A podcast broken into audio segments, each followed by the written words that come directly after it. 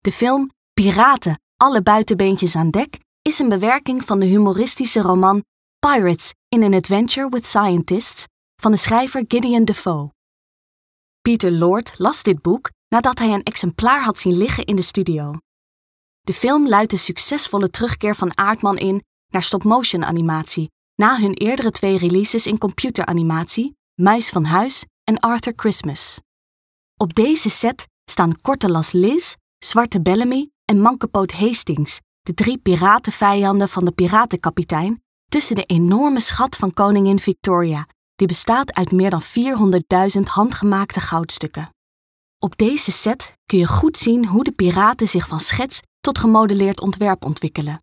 Als je goed kijkt, zie je allerlei details in de hoop schatten, zoals de Mona Lisa en een Egyptisch bosbeeld.